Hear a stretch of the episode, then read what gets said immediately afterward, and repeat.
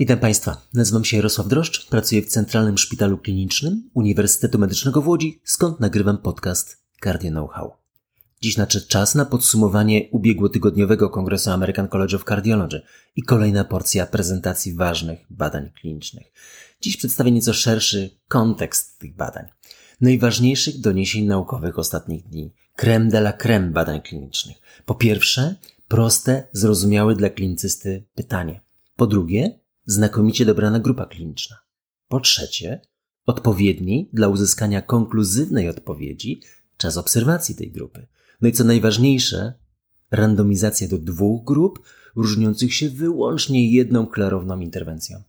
Ani badacze, ani pacjenci nie mieli szansy dowiedzieć się przed połową maja, jakie są wyniki i kto był zakwalifikowany do interwencji, a kto do placebo. Rzadko się zdarza takie znakomite badanie. Adaptable. Zapraszam do, do transkryptu. Macie Państwo to napisane. Łatwiej będzie zrozumieć mój łamany angielski. Kwas acetylosalicylowy, ASA, jest jednym z najbardziej powszechnie stosowanych leków. Jedna z powszechnie znanych firm wprowadziła na rynek go w 1899 roku, chyba najstarszy preparat dostępny dziś w aptekach. Ale należy zauważyć, że w formie roślinnej znana była już od 4000 lat. Sumerowie, najstarsza znana cywilizacja, jak Państwo pamiętacie ze szkoły podstawowej, zasiedlająca Mezopotamię, miała to oczywiście w formie roślinnej.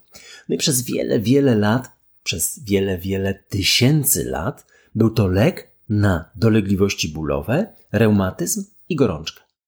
Trudno dziś uwierzyć, ale zgodnie z ówczesną wiedzą w 50. latach opakowaniom ASA towarzyszyła informacja kwasu acetylsalicylowego, aby jej nie przyjmować przez pacjentów z chorobami układu krążenia. Aby jej nie przyjmować przez pacjentów z chorobami układu krążenia. Dziś jest absolutnie odwrotnie. Miliony osób przyjmują ją codziennie, mając nadzieję na uwolnienie od chorób cywilizacyjnych, zawału serca, udaru mózgu, schorzeń naczyniowych. Ta wiara w skuteczność ASA jest tak duża, że dziś w poradni częściej odstawiam ten lek niż inicjuje.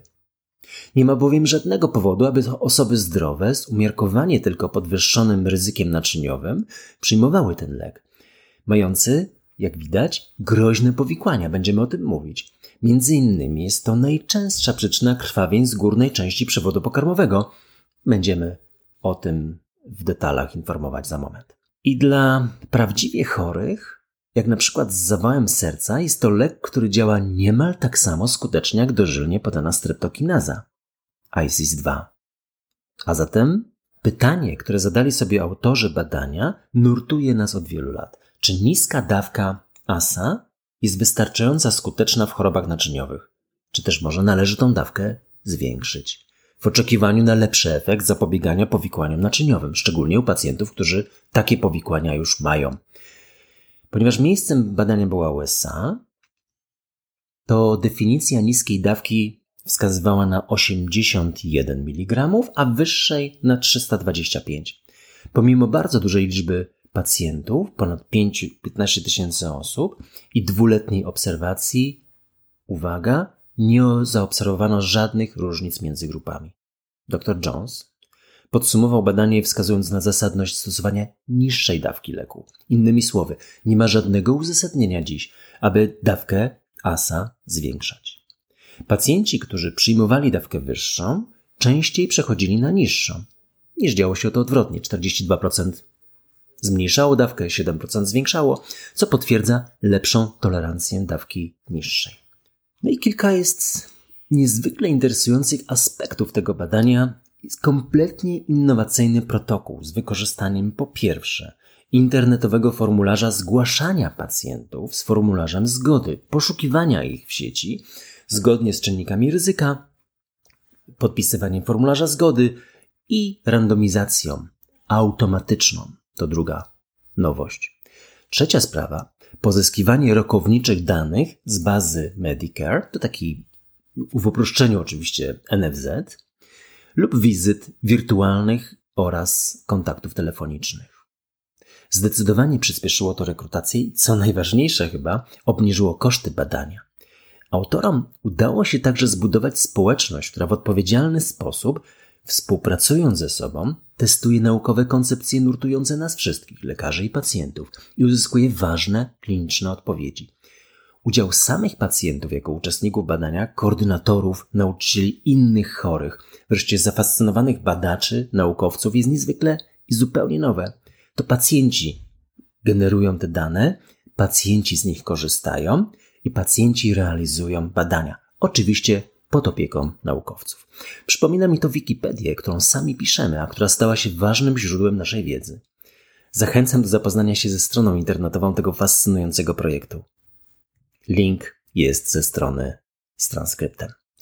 Bardzo podoba mi się przystępny sposób propagowania uzyskanych wyników, bo autorzy piszą dokładnie do pacjentów, traktowanych, jak widzicie Państwo, podmiotowo. Po pierwsze, jeśli przyjmujesz dawkę ASA 81 mg, pozostań. To dobra decyzja. Jeżeli podejmujesz na nowo leczenie ASA, rozważ dawkę niższą, ponieważ jest lepiej tolerowana i tak samo skuteczna jak dawka wyższa. Jeżeli, to trzecie, przyjmujesz ASA w dawce 325 mg i dobrze ją tolerujesz, pozostań na tej dawce. Co może być dobre? Link do artykułu w Name i omówienia tego artykułu jest na stronach Cardio Know-how. Drugie badanie. Host exam. Rekomendowany przez wytyczny okres podwójnej terapii przeciwpłytkowej wynosi od 1 do 12 miesięcy. Jest to okres po leczeniu interwencyjnym czy zachowawczym ostrego zespołu wieńcowego. W tym wypadku leczeniu interwencyjnym. Ten okres, czy 1, czy 3, czy 6, czy 12 miesięcy, zależy od rodzaju wskazania. Ostry czy przewlekły zespół wieńcowy, ryzyko krwawień w relacji do ryzyka powikłań niedokrwiennych. No, pominę tu coraz częstsze sytuacje, w których podejmujemy decyzję o po pierwsze, pozostawieniu podwójnej terapii przeciwpłytkowej w klasycznych dawkach, kwasacetylosalicylowy, jasne, jeden z inhibitorów P2Y12, klopidogrel 75, ticagrelor 2 razy 90 bądź prasugrel 10 mg. Po drugie, możemy utrzymać klasyczną dawkę ASA, której towarzyszy zredukowana dawka ticagreloru 2 razy 60. To nowa, ale bardzo interesująca koncepcja i bardzo skuteczna. I po trzecie, dodanie do ASA małej, tak zwanej naczyniowej dawki rivaroxabanu, 2 razy 2,5. Z pewnością będzie czas, żeby o tym mówić. Wracamy do podwójnej terapii przeciwpłytkowej. Jeżeli podejmujemy decyzję, to wybór zazwyczaj pozostawionego preparatu to kwas acetylosalicylowy. I wielu z nas nurtuje pytanie, czy to jest postępowanie optymalne. ASA wydaje się być wystarczająco skuteczna w zapobieganiu kolejnym epizodom niedokrwienia i bezpieczniejsza od klopidogrelu. Jest to powszechna, ale dziś już nieprawdziwa informacja. Nawet bez znajomości wyników badania host exam. My to wiemy, ale postępujemy rutynowo. Zwrócić należy bowiem uwagę na to, że ryzyko powikłań krwotocznych po ASA jest bardzo wysokie. Krwawienia z górnej części przewodu pokarmowego, wspomniałem, najczęstsza przyczyna to ASA. I w 37 ośrodkach Korei Południowej dokonano randomizacji 5,5 tysiąca pacjentów, którym implantowano stent naczyniowy DES, klasyczny, najczęstszy stent implantowany dziś na całym świecie. I po 6-12 miesiącach podjęto decyzję o zaprzestaniu jednego z leków przeciwpłytkowych. Połowie odstawiono ASA, drugiej połowie klopidogrel. Dawka ASA w Korei klasyczna to 100 mg, więc taką dawkę pozostawiono bądź odstawiono. Podgrupa obejmowała zarówno przewlekły zespół wieńcowy w czwartej i wszystkie trzy postaci ostrych zespołów wieńcowych. Niestabilna dławica, non-STEMI, STEMI. Samego STEMI było 17%. No gdybyśmy teraz zapytali lekarzy, czego się spodziewają przy porównaniu grup leczonych ASA i klopidogrel, to w monoterapii, rzecz jasna, to usłyszelibyśmy, że ten ostatni lek, klopidogrel, jest silniejszy, to znaczy ma większą zdolność do hamowania powikłań naczyniowych, ale groźniejszy, to znaczy obarczony większym ryzykiem powikłań krwotocznych. Tylko ta pierwsza część okazała się być prawdziwa. To znaczy klopidogrel rzeczywiście silniej hamował wszystkie powikłania niedokrwienne łącznie, w tym także udary mózgu. Co bardzo interesujące, kosztem mniejszej, powtarzam to, mniejszej liczby krwawień ocenianych łącznie, krwawień groźnych, bark powyżej czy równe 3 i więcej. I co ogromnie ciekawe, także udarów krwotocznych było mniej. W analizie podgrup zwraca uwagę większa przewaga klopidogrelu u pacjentów z wyższym ryzykiem krwawień. Zupełnie zaskakujący i nieintuicyjny fakt. Jaki był wymiar praktyczny tego badania?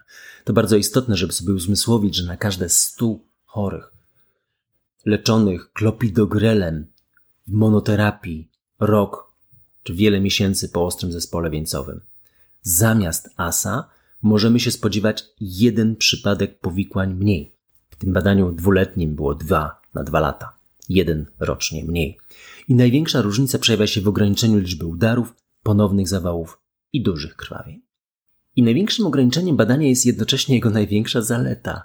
Zaskakujące, ale przeprowadzenie badania Hoxe-Exam wyłącznie w populacji azjatyckiej ogranicza wprawdzie wyciąganie globalnych wniosków i zaleceń, to jasne. Lecz jednocześnie zwrócić należy uwagę, że to właśnie tam, południowa, wschodnia Azja, charakteryzuje się 50-65% występowaniem defektywnego genotypu CYP 2C19 związanego z opornością na klopidogrel. Gdzie zatem najlepiej zorganizować takie badanie jak nie w Korei Południowej? W Polsce stawiamy sobie wprawdzie pytanie, jak wyglądałoby porównanie polskiej dawki ASA 75 mg, a nie 100, ale tu nie znamy odpowiedzi. Co zatem lekarz pracujący w Polsce powinien zapamiętać? Po pierwsze tak. Ryzyko wszystkich powikłań po interwencyjnym leczeniu choroby wieńcowej nie jest wysokie i wynosi 5,7 klopidogrel, 7,7 ASA w ciągu dwóch lat, zakładając oczywiście optymalne leczenie farmakologiczne.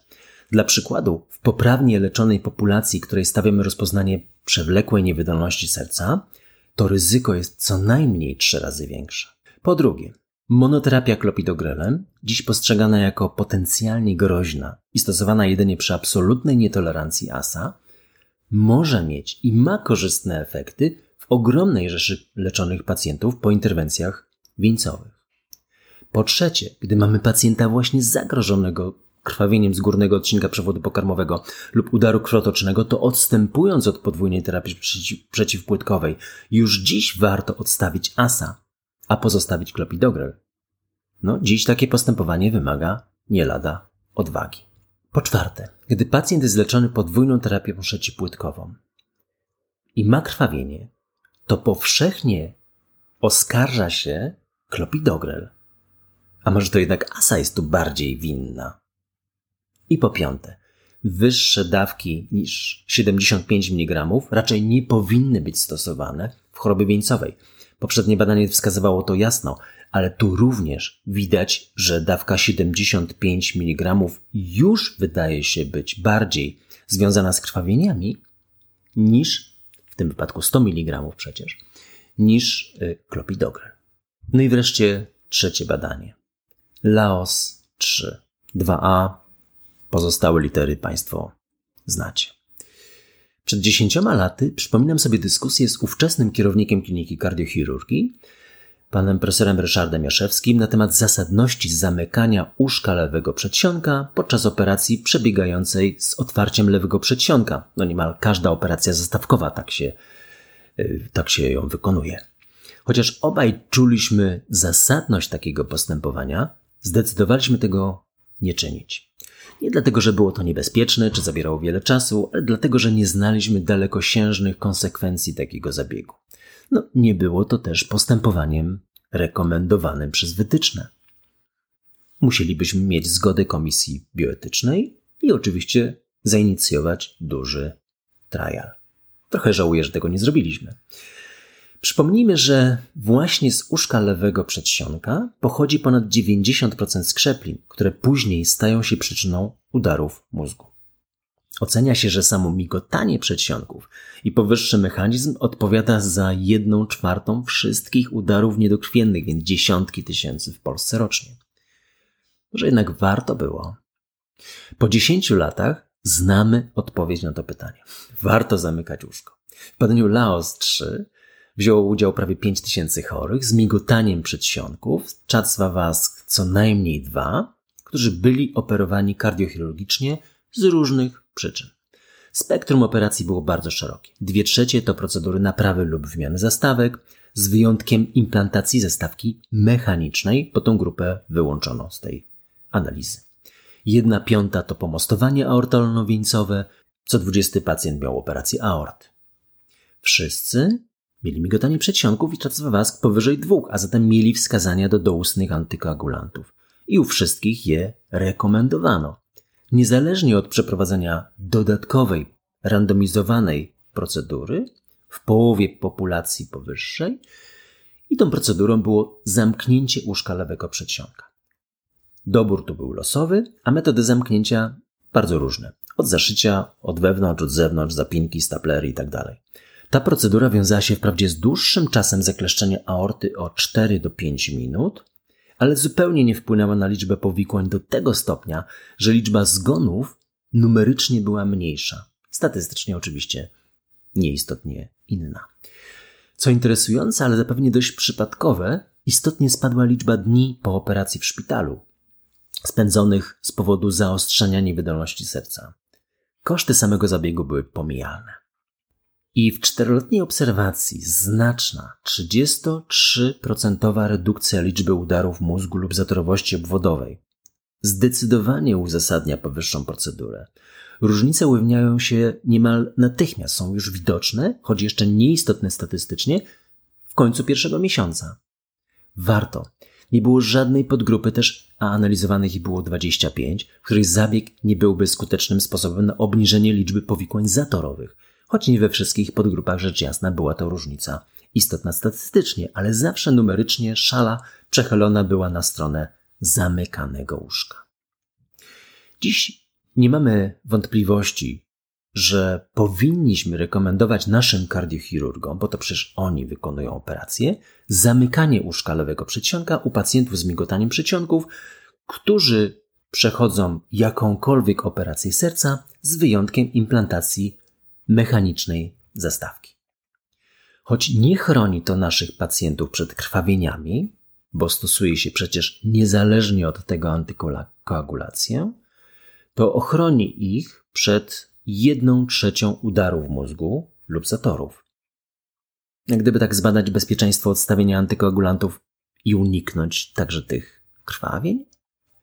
John Mendrola, twórca podcastu This Week in Cardiology, Medscape, The Heart Org, bardzo gorąco zachęcam do słuchania, wskazuje na badanie Laos 3 jako najważniejsze doniesienie tegorocznego American College of Cardiology. Dodatkowo jako modelowy trial. Prosta konstrukcja, konkretne pytanie, szeroka populacja badana, jasny, zrozumiały wynik. Co ważne, mogą być te zalecenia wdrożone do praktyki klinicznej niemal bezkosztowo i natychmiast. No potrzeba czego? Edukacji.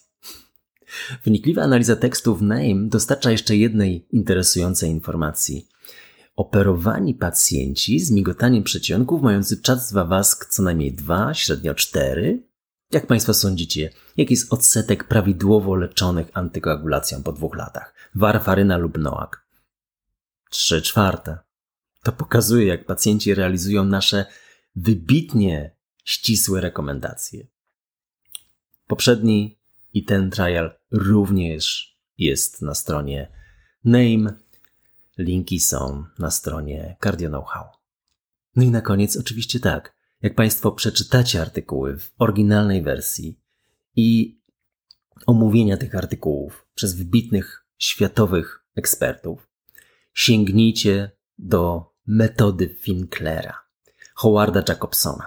Jest to kolejny laureat Nagrody Bookera, tym razem z 2010 roku, a także nagrody dla najbardziej komicznej powieści. Tłumaczenie Grażyna Smosna, wydawnictwo Świat Książki 2011.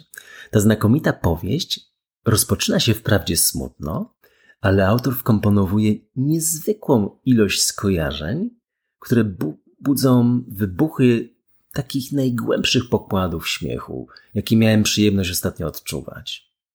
Nie haha, tylko rzeczywiście człowiek powoli dochodzi do sekwencji, do zrozumienia istoty naprawdę zabawnych sytuacji. W niektórych powieściach daje się przekazać potem fragment tekstu komuś jako żart, a tu konieczne jest śledzenie z uwagą każdego słowa na przestrzeni tych kilkuset stron, czego się nie daje powtórzyć. No i pamięć, ale tej akurat absolwenci uczelni medycznych mają aż w nadmiarze. Jeśli Państwo będziecie mieli jakieś uwagi, komentarze, zapraszamy. Media społecznościowe. Za tydzień, naturalnie wcześniej, podcast ukaże się. Wydaje mi się, że nawet w środę rano, bo czwartek i piątek i sobotę i niedzielę mamy nietypową. Na tych mediach społecznościowych głosowanie na kolejne tematy, ale mamy pięć tematów już zebranych, więc prawdopodobnie te, na których teraz będziecie Państwo głosować, ukażą się w następnych odcinkach. Mamy bardzo ciekawy program na wakacje.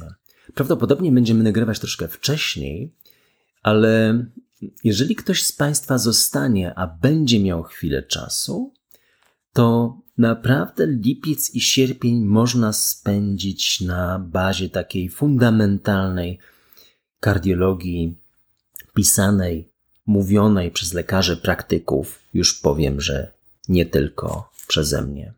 A właściwie przede wszystkim nie przeze mnie. No i bardzo będę Państwu wdzięczny za promocję podcastu wśród lekarzy, komentarz, choćby nawet jednym słowem jedną gwiazdką. Może nawet pięcioma. Dziękuję bardzo.